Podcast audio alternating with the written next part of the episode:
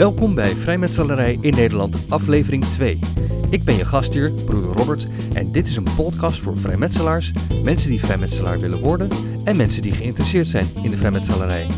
Deze podcast wordt opgenomen op persoonlijke basis en staat los van de orde van vrijmetselaren onder het Groot Oosten der Nederlanden of enige andere groot loge of stroming. Welkom in de wereld van de Nederlandse vrijmetselaars. Aflevering 2 De weg naar inwijding. Hartelijk welkom bij de tweede aflevering van deze podcastreeks. In aflevering 1 heb ik een beknopte uitleg gegeven over wat vrijmetselarij is, waar het vandaan komt en wat het voor jou zou kunnen betekenen. Let wel, dit is mijn persoonlijke interpretatie en ik wil je dan ook met klem op het hart drukken dat iedereen binnen de vrijmetselarij zijn eigen pad volgt. Jouw pad naar bewustwording is jouw pad. In deze aflevering wil ik jullie meenemen op mijn pad, de weg die ik heb afgelegd naar mijn inwijding. Het is mijn persoonlijke verhaal, maar ik zal je aan de hand van voorbeelden wegwijs proberen te maken in de route die voor mij uiteindelijk uitmondde in het aankloppen aan de poort van de loge.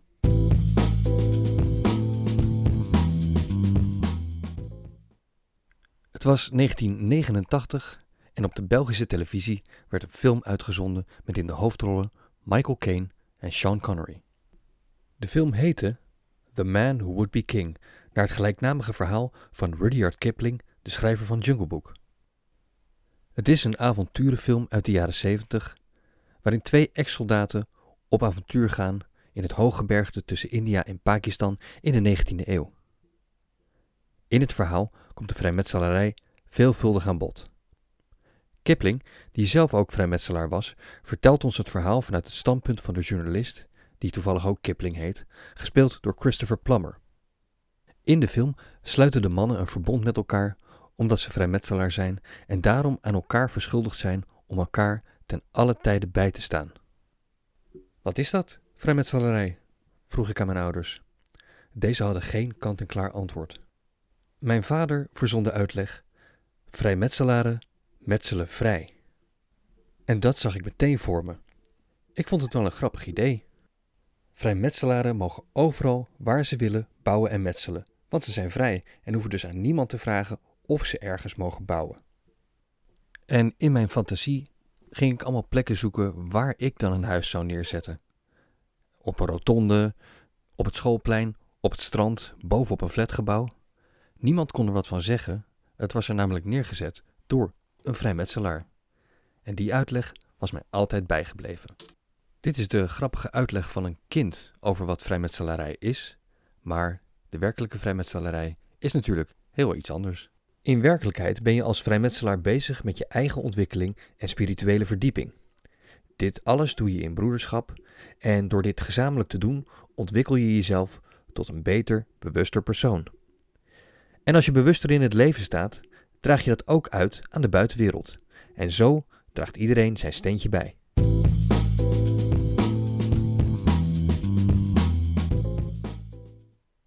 Hoe kom je dan bij de vrijmetselarij terecht? Dit brengt me bij een misverstand over de vrijmetselarij waar ik graag aandacht aan wil besteden. Namelijk het idee dat je alleen vrijmetselaar kunt worden als je door een vrijmetselaar gevraagd wordt. Dit is onjuist en het is van belang om dit duidelijk te maken. Het heeft mij er namelijk in eerste instantie van weerhouden om aan te kloppen bij de vrijmetselaars. Daarom vind ik het belangrijk om dit misverstand te benoemen, omdat dit de reden kan zijn waardoor mensen niet aankloppen. Terwijl de vrijmetselarij toch heel waardevol kan zijn voor deze mensen qua ontwikkeling en zelfontplooiing. Je hoeft dus niet gevraagd te worden door een vrijmetselaar om lid te kunnen worden. Je kunt je gewoon aanmelden, via de website of via een brief, net als bij elke andere vereniging. Over die aanmelding zal ik straks meer vertellen.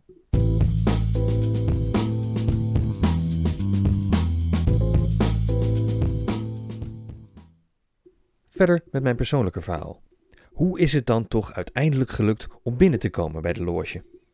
In 2011 kregen mijn vriendin en ik een relatie. Op een avond stond in de keuken de radio aan en kwam er een item over de vrijmetselarij voorbij. Ik vertelde natuurlijk onmiddellijk mijn anekdote over metselaren die overal vrij huizen neerzetten, waarop mijn vriendin zei: Mijn vader zit bij de vrijmetselarij. Ik kan hem er wel eens voor je naar vragen. Ik dacht: Dit is mijn kans. Eindelijk een vrijmetselaar die me officieel kan vragen. En ik probeerde in de familie het balletje een beetje op te gooien. Maar ik had niet in de gaten dat de vraag niet vanuit hem moest komen, maar eigenlijk vanuit mij. Dit heeft nog zo'n twee jaar geduurd, tot we eind 2015 de knoop doorhakten en erover in gesprek gingen. En aan het eind van het gesprek gaf hij me een boek mee. Om te lezen en me voor te bereiden. Het was het boek De Vrijmetselarij, de Grote Onbekende, 1757-1967 van Dieriks. Een jezuïet die een uitgebreid boek heeft geschreven over de vrijmetselarij ten opzichte van de katholieke kerk in de jaren 60. Kan ik je het boek aanraden? Ja en nee. Om veel over de vrijmetselarij te weten te komen, kun je het heel goed lezen. Maar je moet wel eerst door de kost heen over de katholieke kerk in de jaren 60 en de vrijmetselarij in de jaren 60. Tegenwoordig zijn er veel meer boeken die veel beter leesbaar zijn en makkelijker weglezen met allerlei informatie over de vrijmetselarij.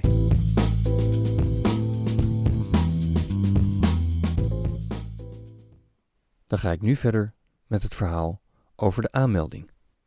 Mijn schoonvader stuurde mij de link door naar de website van onze loge. Op die website staat het aanmeldingsformulier en dat vulde ik ook in.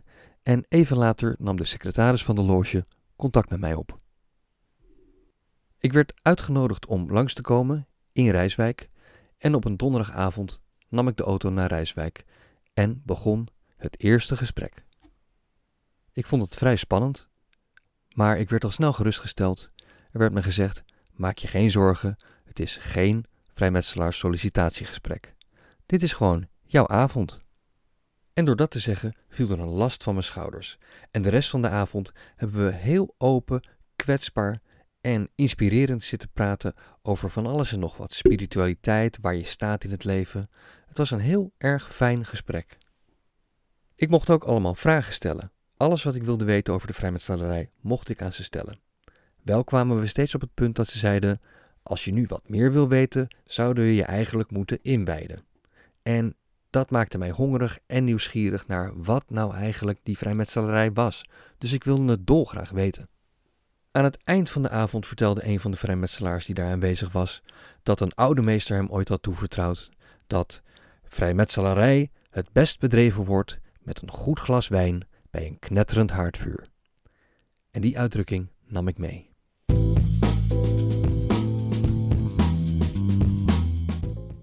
De commissie van onderzoek. Na het eerste gesprek nam men weer contact met mij op. Ik kreeg een e-mail met de vraag of ik het pad dat ik was ingeslagen voort wilde zetten. Dat wilde ik graag en ik kreeg een vragenlijst toegestuurd en de opdracht om een levensbeschrijving te schrijven. Dit alles was ter voorbereiding voor het gesprek met de commissie van onderzoek. Nu zul je je misschien afvragen: je hebt toch al een eerste gesprek gehad? Waarom moet er nu nog eens een keertje een gesprek komen met een commissie van onderzoek? Die commissie van onderzoek is er om te kijken of jij bij de vrijmetselarij past, maar ook vooral om te kijken of de vrijmetselarij wel bij jou past. Het vraagt namelijk wel wat van de leden qua tijd en energie die je erin steekt. En sommige mensen denken dat ze er zakelijk op vooruit gaan of een netwerk kunnen vergroten. Dat allemaal is niet waar de vrijmetselarij om draait. Dus dan is het handig om teleurstelling te voorkomen om dat op voorhand al een keer besproken te hebben. Wat ook zou kunnen, is dat de werkwijze die wij hanteren je misschien iets vreemd overkomt. Mannen die in pakken lopen met een soort wit schortje voor en die lopen dan in vierkanten. Het kan allemaal een beetje lacherig overkomen. Nou, om elkaar een beetje goed te leren kennen, is dat gesprek dus noodzakelijk. En die levensbeschrijving waar ik het net over had, is ook gewoon om een paar aanknopingspunten te hebben voor het gesprek. En dat wij een beetje weten wie jij bent. En zo kun je ook te weten komen wie wij zijn.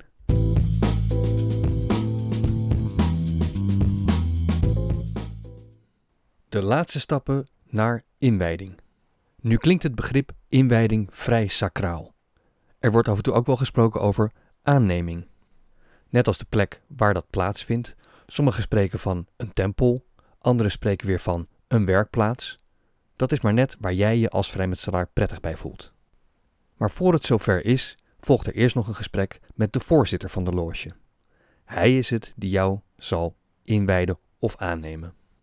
En als dat achter de rug is, wordt er een meestervergadering gehouden. Dat is een vergadering van alle meestervrijmetselaren om te kijken of de kandidaat aangenomen kan worden. En als dat allemaal is afgerond, kan er overgegaan worden tot aanname van een nieuwe leerling. En over die inwijding ga ik natuurlijk lekker niks zeggen, want dat is een ervaring die je zelf moet beleven. En daarom is hij geheim.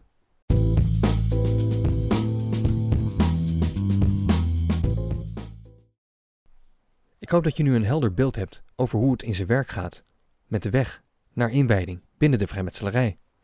Er is namelijk een reden dat ik zo open en transparant spreek over de vrijmetselarij.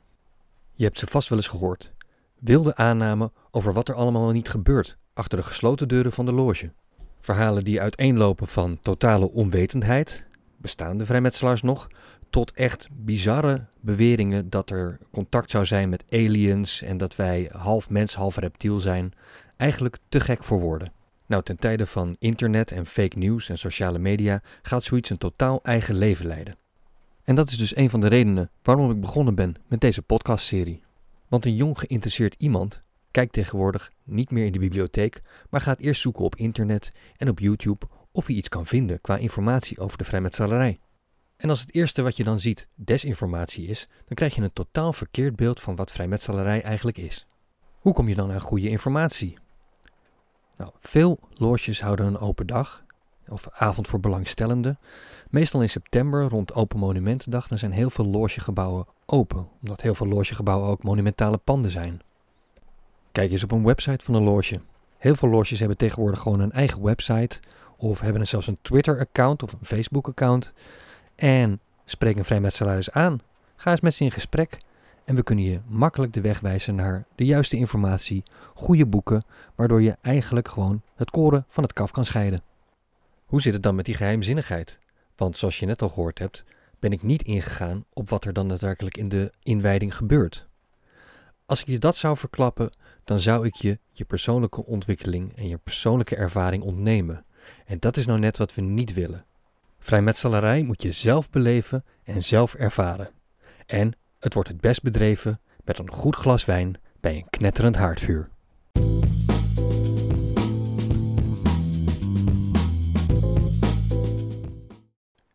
Dit was aflevering 2 van Vrijmetselarij in Nederland, de podcast. Ik hoop dat ik je een helder beeld heb kunnen geven over wat vrijmetselarij is en hoe dat bij mij gegaan is toen ik uiteindelijk ging aankloppen bij de poort van de loge. Nu kan het zijn dat je nog wat vragen hebt, of dat je dingen wil weten, of dat je dingen uh, behandeld wil hebben. Of misschien ben je wel zelf vrijmetselaar die heel graag ook zijn eigen verhaal wil vertellen over hoe je uiteindelijk terecht bent gekomen bij de loge. Je kan een bericht achterlaten bij Anchor, van waaruit ik deze podcast de wereld instuur. Of je kunt een mail sturen naar vrijmetselarij Nederland podcast@outlook.com.